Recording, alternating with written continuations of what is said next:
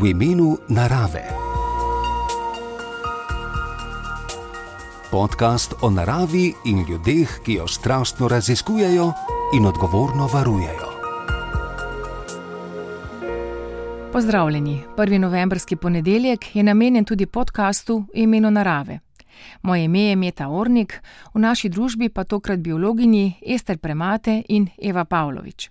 Družijo narava, njuno delo in sodelovanje v Društvu študentov biologije, pa tudi to, da jo je za študij biologije obe navdušilo morje in da sta področji, ki jo zanimata danes, tesno povezani. Ester je navdušena nad jamsko biologijo, Eva pa nad netopirji. Pozdravljeni. Pozdravljeni. Vaše društvo, Društvo študentov biologije, ima že dolgoletno tradicijo, dobri dve desetletji. In kdaj eh, ste se vidvi navdušili nad delom in raziskovanjem sklopu društva? Mm, jaz prvi letnik nisem bila tako zelo aktivna, sem pa društvo dobro spoznala na raziskovalnem taboru študentov biologije poleti. In ker sem poznala že prej par, par ljudi aktivnih, so me naslednjo leto povabili, če bi sodelovala bolj aktivno, in sem se pridružila in začela pomagati pri določenih stvarih. Ester, kaj pa ti, že kot Brudska? Ja, jaz pa uh, sem za društvo zvedla prvi uvodni dan, ko smo prišli na fakulteto. Takrat uh, je društvo oziroma takratno vodstvo imelo predstavitev za bruce, povedali so nam, kaj vse počnejo, in takrat sem si mislila, da so pa res kar aktivni. Pa mogoče šla pogledat. Uh, povabili so nas na uvodni sestanek, sem takrat šla na sestanek, potem še na motivacijski vikend in sem tako nekako pristala med aktivnimi člani. Danes na podoben način privabite, pritegnete bruce? Ja, um, prvič imamo predstavitev že na informativnih dnevih, že takrat se društvo predstavi, povemo, da so uh, dejavnosti, ki jih društvo omogoča, poleg študija, kar številne. Potem še enkrat to ponovimo, takrat 1. in 2. oktober, no, ko se študijsko leto začne, povabimo jih na vodni sestanek. Tega se kar odzovejo, no, povabilo pridajo v kar velikem številu, potem pa ponavadi ene par, tri, mogoče na generacijo res ostanejo aktivni. Že v vodu sem povedala, kaj sta vajeni najljubši področji, oziroma področji, ki jim namenjate največ svoje raziskovalne pozornosti. Eh, pa me zanima, Eva, kaj tebe najbolj pritegne pri netopirjih? Netopirji se mi zdijo tako skrivnostne živali. Ponavadi jih ne vidiš od blizu, mogoče zvečer nekje letajo po nebu okrog luči v roki pa jih imaš le redko. Tako da mi je zelo zanimivo to dejansko, ko jih imaš v roki, ko jih vidiš od blizu, ko določiš vrsto in tudi ko ljudem predstaviš to kot eno žival, s katero se ponavadi od blizu ne srečajo. E, kaj pa pri jamski biologiji, Ester? Verjetno me je najbolj pritegnilo to, no, da od začetka o tem nisem vedela čist nič. No. Na prve terene sem šla po domač povedan iz Firpca, um, potem pa me je to pritegnilo. Bi rekla, da zaradi tega, ker je okolje čist drugačno od tega, kar smo navajeni. Tema je vlažno, je uh, hladno je. In um, živali so na to okolje tako izjemno prilagojene. Tudi Prej v gimnaziji, v osnovni šoli ne slišiš, da obstajajo še kakšne druge živali kot človeška ribica, ki živijo v jamah. In me je to tako pritegnilo, tudi pri nas je pestrost teh jamskih živali izjemna. Um, Dosti je še neraziskanega, nepoznanega, o teh živalih vemo zelo malo, o njihovem vedenju, ekologiji, tudi o vrstah. Da. Zanimivo je to, da si seveda eh, se takoj lotila tudi sodelovanja uh, v Jamrski šoli.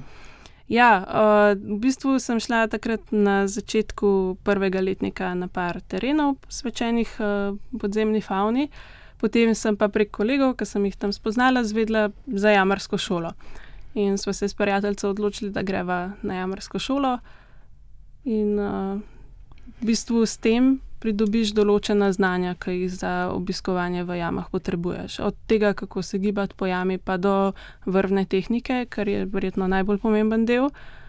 Zaradi tega, ker jame bi sicer lahko pod seveda vodstvom izkušenih mentorjev obiskoval tudi brez opravljene jamarske šole, ampak si omejen z vodoravnimi jamami, hiter se pa pri nas, pa v hribih, recimo, in tako znajdeš pred brezni, znajdeš, znajdeš pred globokimi jamami, kamor pa seveda brez znanja vrne tehnike ne moreš. Je treba tudi za raziskovanje, popisovanje netopirjev imeti kakšne posebne veščine, kakšna posebna znanja, razen seveda strokovnega biološkega znanja? Tudi jamarska šola tudi tam pomaga. Določene jame, ki so zanimive tudi za netopirje, so tudi brezna ali pa potrebuješ vmes vrno tehniko, da lahko dostopiš do delov, ker so netopirji. Tako da tudi to, to prav pride. Drugače pa je potrebno znanje o netopirjih, metodah, s katerimi se prev, jih preučuje, tako da je potrebno različna znanja malo povezati med sabo. S katerimi metodami pa jih največ preučujete zdaj pri nas? Čez dan se jih preučuje na njihovih zatočiščih, torej tam, kjer čez dan spijo, po domače povedano, v raznih podstrešjih, špranjah, za opaži v jamah, po noči pa se jih preučuje z lovljenjem v mreže. Torej, postavimo dolge mreže, v katerih se netopere zapletajo in jamejo, ali pa z snemanjem njihovih ultrazvočnih klicev, katere kasneje preučimo in s katerimi lahko določimo vrsto ali pa rod ali skupino netoperjev. Pri nas imamo kar precej veliko število vrst netopirjev. Ja, v Sloveniji imamo trenutno 30 vrst netopirjev, kar je precej lepa številka, na svetu pa jih je več kot 1400.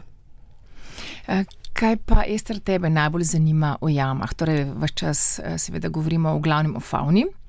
Katere živali? Že prej si omenila, da večina ljudi pozna samo človeško ribico, ampak življenje je tudi v tem habitatu mnogo bolj pestro. Ja, zdaj meni že od nekdaj, ne vem sicer zakaj, ne znam čisto točno razložiti, bolj pritegne vodna fauna. Uh, tudi vodne jame so mi zelo všeč, no, zelo uživam v tem. Um, verjetno zaradi tega, ker je mal drugače, rabiš masko, neopren, uh, živali vidiš plavati, tako da vedno sem vesela no, priložnosti za šnorklanje.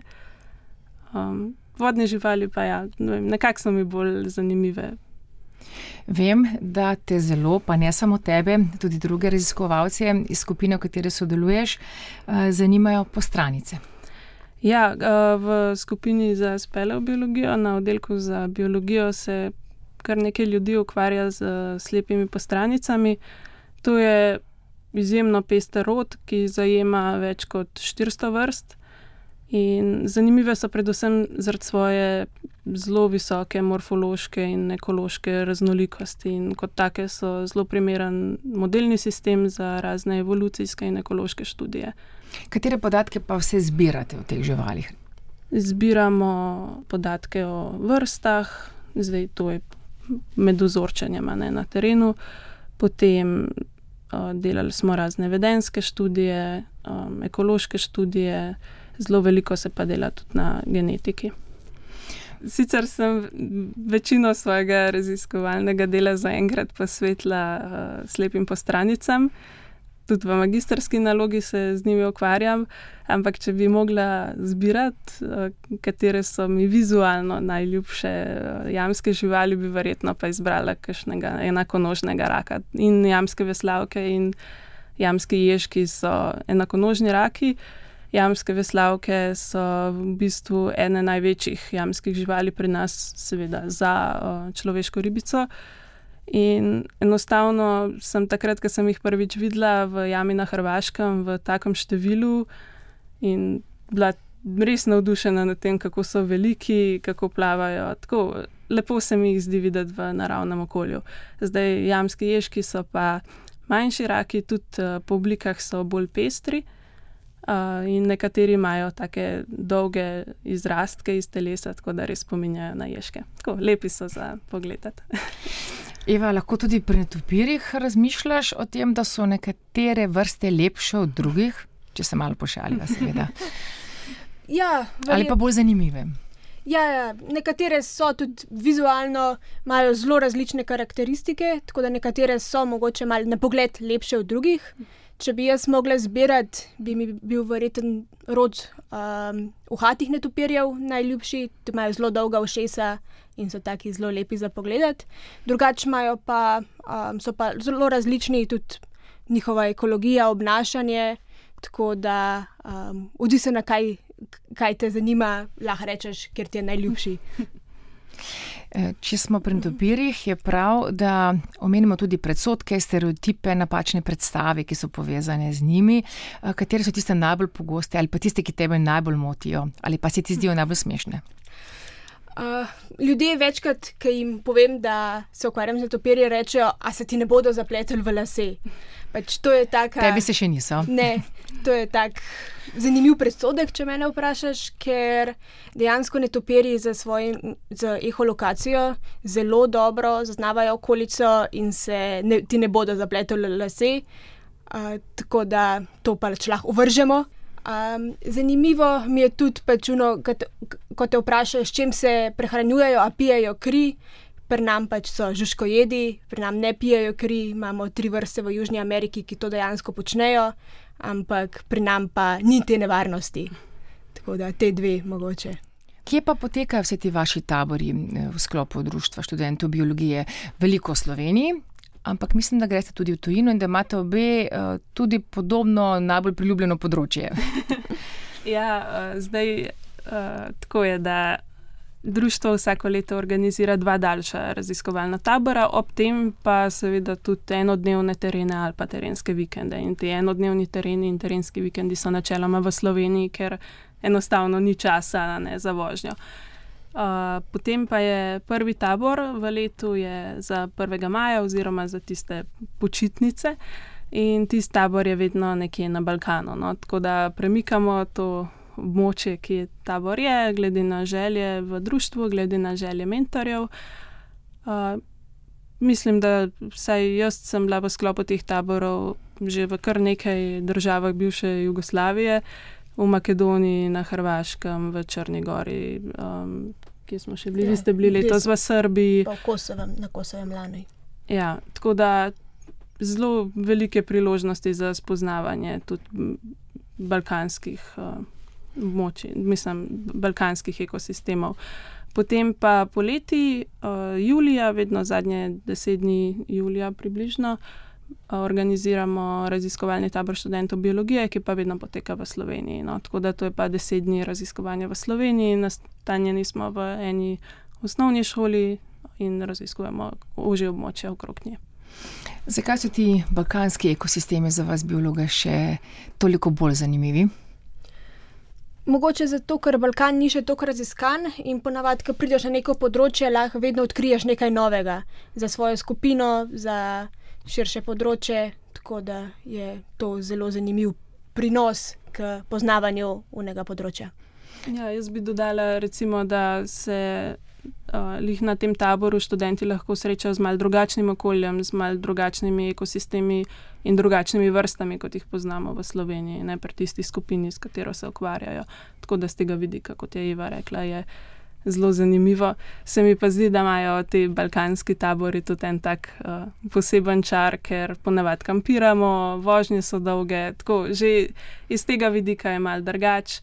Um, Malo bolj avanturistično. Ja, ja nekako tako. V bistvu so to prvi spomladanski tereni, na katere vsi celo zimo komaj čakamo. Prvič je malo bolj toplo. Uh, potem imamo kdaj tudi kakšno super izkušnjo z uh, lokalnim prebivalstvom, vsi so zelo prijazni, velikrat končamo na kakšni kavi ali pa reki pri njih doma.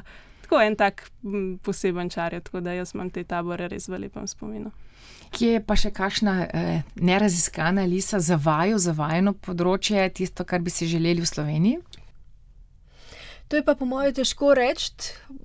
Slovenija je Ko je mala, ima vseeno veliko uh, pestrosti, tako da se bi v velikih delih države najdel kakšne zanimiva področja, ki bi se jih še dala raziskati. Ja, se strinjam. No, tudi v Sloveniji smo, vsaj z prijamskih živalmi, živalih, um, zelo pogosto priča nekim novim odkritjem, tudi nekih novih vrst. Um, še več pa je tega na Balkanu. No, tako da se mi zdi, da na različnih območjih Balkana je še več tega, koliko je neodkritega, ne? koliko je takih področji, kamor res raziskovalci, biologi še niso šli.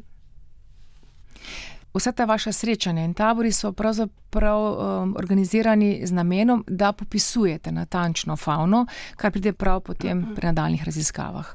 Ja, jaz bi v bistvu rekla, da glavni namen teh taborov je to, da se študentom omogoči terensko delo tudi izven tistih obveznih okvirov, ki jih uh, ponuja fakulteta. Ne.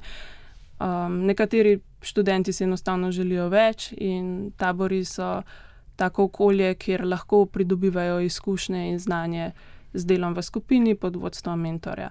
Tako da za me, jaz to vidim kot eno priložnost ne, za učenje, za prenos znanja, za pridobivanje izkušenj. Šele potem je tisto zbiranje podatkov. Poleg tega pa seveda tudi prostor za druženje, spoznavanje ljudi. Imata pa obe tudi izkušnje z mednarodnimi tabori in tudi z izobraževanjem v tujini. Eh, pa so te vajne izkušnje zanimive, zelo sta zadovoljni z delom pri nas. Ja, jaz sem si par let nazaj vzela čas in šla za tri mesece v Avstralijo, ker sem delala z osirotelimi sadjejedimi netopirji, um, tudi s poškodovanimi. In sem tam pomagala v Betriču, to je nekakšna mala bolnica za rehabilitacijski center, bolj za netopirje. In sem se tam naučila veliko novega, tako da sem tudi določene znanja prenesla pol nazaj v Slovenijo. Jaz, da bi imela konkretno izkušnjo s študijem v tujini, je nimam, no, sem pa v Franciji upravljala del svoje magistrske naloge letos. In kolikor sem se pogovarjala z študenti tam, pa tudi študenti iz Nemčije, recimo, ki sem jih spoznala prek mednarodne organizacije Young European Biologists, smo v Sloveniji, pa tudi na Balkanu, res navajeni terenskega dela že študijski program je pri nas vsaj zasnovan tako, da še vedno dobimo veliko temeljnih znanj, kar pomeni, da smo dobri v prepoznavanju vrst, v določanju organizmov. To študenti oziroma kolegi iz tujine, iz Zahodne Evrope, ki sem jih do zdaj spoznala, niso ne, toliko podkovani v tem. Tako da imajo sicer neka druga znanja, ki jih pa mi pri nas ne dobimo, ne, tako da predvsem jim pa manjka terenskega dela. No. Se mi zdi, da pri nas je tega res veliko, pa veliko priložnosti za to, kar je mogoče drugeni. Je pa tudi res, ne, da imamo mi naravo praktično na dvorišču. To je en tak privilegij. Ja, to je, moramo je priznati. Ja. Ja. Zaradi tega mi je verjetno kletko bolj ljubo. Ne vidim razloga, no, da bi rinila v tujino ali pa v trope, če pa imamo doma toliko dela. Sploh glede na področje, s katerim se Ja. ukvarjaš. E, Če bi vidvi razmišljali o svoji sanski službi na področju biologije, kaj bi počeli? Bi nadaljevali to, kar počnete zdaj? Imate kakšno konkretno predstavo? To je težko reči. To, kar počnem zdaj, torej teren, terenska biologija in to mi je všeč, tako da bi nadaljevala s tem. Uh, ampak to je že težko je to imeti v nedogled, vse je treba nekaj tudi v pisarni delati in to. tako Da, Kakšno bi Bomo bilo, to, kakšno bi bilo razmerje med pisarno in terenskim delom? Kaj bi vam ustrezalo? Ja. Sicer čim več terenskega dela, ampak se vsi vemo, da tudi pri takih službah, kjer je veliko terenskega dela, je še vedno proti potem delu v pisarni, pa laboratorijev tega izjemno malo. No. Jaz si predvsem želim, da bi služba vključevala raz- raziskovalno delo, ker me to zelo veseli, pa da bi lahko ostala v Sloveniji. Koliko pa lahko v Društvu študentov biologije vplivate tudi na izobraževanje in osveščanje neke splošne javnosti? Tega je v bistvu precej malo, bi rekla. No, vsako leto imamo sicer kakšne delavnice na taborniškem festivalu, na dnevu čarljivih rastlin, to so enodnevni dogodki, kjer se javnosti, predvsem recimo osnovnošolcem, se mi zdi, pa gimnazijcem predstavi, kaj delamo, kakšne zanimive reči no, iz sveta biologije na splošno. Uh, potem, kdaj kakšen tabor dobi nekaj medijske pozornosti, ampak to je tako malo odvisno, kje smo, pa koliko se organizator temu posveti, ob, vsem, ob vseh ostalih obveznostih, ki jih seveda ima s taborom. Ampak se mi zdi, no, da je nasplošno tega, te komunikacije z javnostjo premalo. In eh, če pomisliva na področje, s katerim se ti ukvarjaš, torej na fauno podzemljskih habitatov, dovolj vemo o tem? Bi Ne da- biologi. Aha, ja, bi rekla, da ne. No. Uh, Zaradi tega, ker, kot sem že prej omenila, v osnovni šoli, gimnaziji, ne praktično čez celo izobraževanje, ne slišiš prav dosto o tem. Uh, ne slišiš o tem, da so to zelo pomembni habitati, zelo pestri habitati. Pa bi lahko, zaradi tega, ker Slovenija le velja za zibelko speleobiologija, se večkrat omenja kot tisto območje, kjer se je ta znanost, ta veja znanosti res začela. In uh, tudi sama sem opazila pri kakšnih delavnicah, ki smo jih imeli za mlajše, ne, ko, ko vprašaš, a poznate kakšno jamsko žival, omenijo človeško ribico, pa omenijo netopirje. Potem pa se že konča, ne, tako nevretenčarjev res nihče ne pozna. Smo torej na področju, če govorimo o netopirjih, bolj osveščeni, razni svet tistih stereotipov, o katerih smo govorili prej. Mogoče malo bolj. Nekateri ljudje se zavedajo, da netopirji tudi živijo v mestih, da jih lahko tudi doma najdejo, če imajo uh, tako stanovanje, tako hišo s kakim postrešjem, s kakim opažam. Ampak uh, se pa ne zavedajo, mogoče, kolik, da so to zavarovane živali, da jih je prepovedano preganjati, tudi če jih imaš doma, da jih ne smeš kar izpoditi, uh, iz, ker jim s tem škoduješ, ker jih s tem lahko vplivaš na njihovo življenje. Uh, tako da bi bilo vse malo bolj, boljše osveščevanje potrebno. Ampak trudite pa se, kar nekaj akcij pa imate. Ja, v, Slovenskem društvu za pročevanje in varstvo netopirje, kjer sem tudi aktivna, uh, imamo čez leta razna predavanja. V Ljubljani smo postavili netopirnice na določenih mestih, kjer jih tudi javno pregledujemo, da se lahko javno spozna, spozna z njimi. Občasno imamo javna mreženja, um, kjer se lahko ljudje spoznajo, ampak to je vse mala skupina ljudi um, za širšo javnost. Uh, bi bilo pa vseeno potrebno jih bolj osvestiti, kar je pa tudi vprašanje, kako so oni pripravljeni se v tem poučiti. Ja, to mora biti oboje stransko, seveda. Um, zanimivo se mi zdi tudi to, kar sta mi omenili v pogovoru pred tem našim srečanjem, da vas je med študenti biologije manj tistih, ki vas zanima ekologija, oziroma manj tistih, ki bi se ekologiji bolj posvetili. Ja, um, definitivno je to res, vsaj na naši fakulteti. No. Po dodiplomskem študiju se nas relativno majhen del potem odloči za nadaljevanje magistrskega študija ekologija in biodiverziteta. Veliko več študentov se mi zdi se odloči za molekulsko in funkcionalno biologijo. Zdaj ne, ne poznam pravih razlogov za to.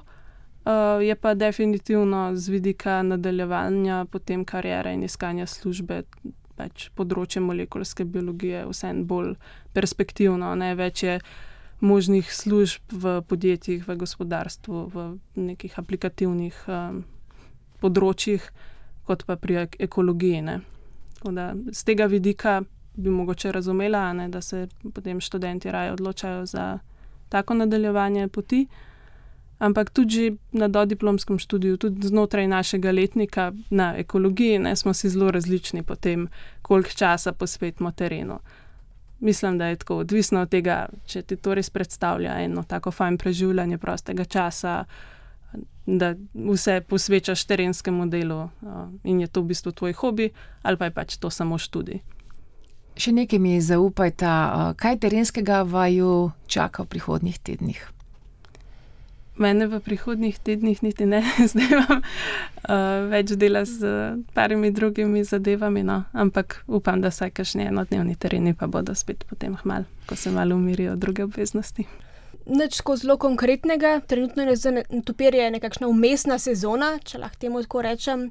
Poleti jih predvsem preučujemo uh, na zatočiščih, pa z mreženjem po zimi v, na mestih, kjer hibernirajo, zdaj je pa umestno obdobje, kjer ne počnemo ponavadi nič od tega, ampak jih, če jih preučujemo, zdaj če jih popisujemo, jih predvsem z snemanjem njihovih ultrazvočnih klicev in jih s tem popisujemo, tako da mogoče kak tak teren v naslednjih tednih.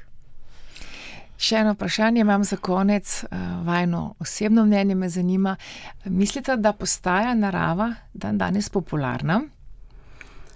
Ja, bi rekla, da je vedno več tega, no? uh, vedno več je raznih poljudno-znanstvenih oddaj, vedno več je recimo, predstavljanja različnih raziskovalnih dosežkov v medijih, čeprav mogoče še vedno ne toliko, kot bi si želela. Um, je pa promoviranje narave in tega super. Samo se mi zdi, da raziskovalci pa ob vsem delu z raznimi projekti, pedagoškim delom, pa še kakšnimi administrativnimi zadevami, enostavno nimajo časa, no, da bi se ukvarjali še z komunikacijo z javnostjo. To v bistvu bi mogla obstajati posebna delovna mesta za to, če tako pomisliš. Ne? Da bi se nekako delali na tem res osveščanju javnosti, komunikacijo z javnostjo, to prenosom znanja ne, iz raziskovalnih ustanov v pač širši publiki. Je ta popularnost naravi vedno uprit ali kdaj morda tudi ne?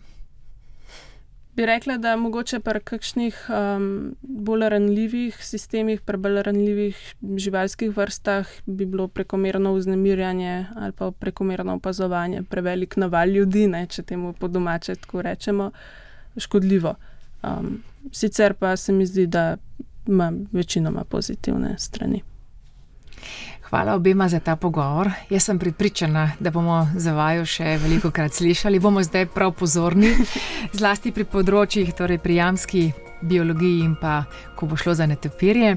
V tokratnem podkastu imeno narave sta bili z nami biologinji Ester Premate in Eva Pavlović iz Društva študentov biologije podkastu MMC-ja v imenu narave lahko prisluhnete spet prvi ponedeljek v decembru, spremljate pa nas lahko tudi na podstrani rtvslo.js pošiljnica v imenu narave.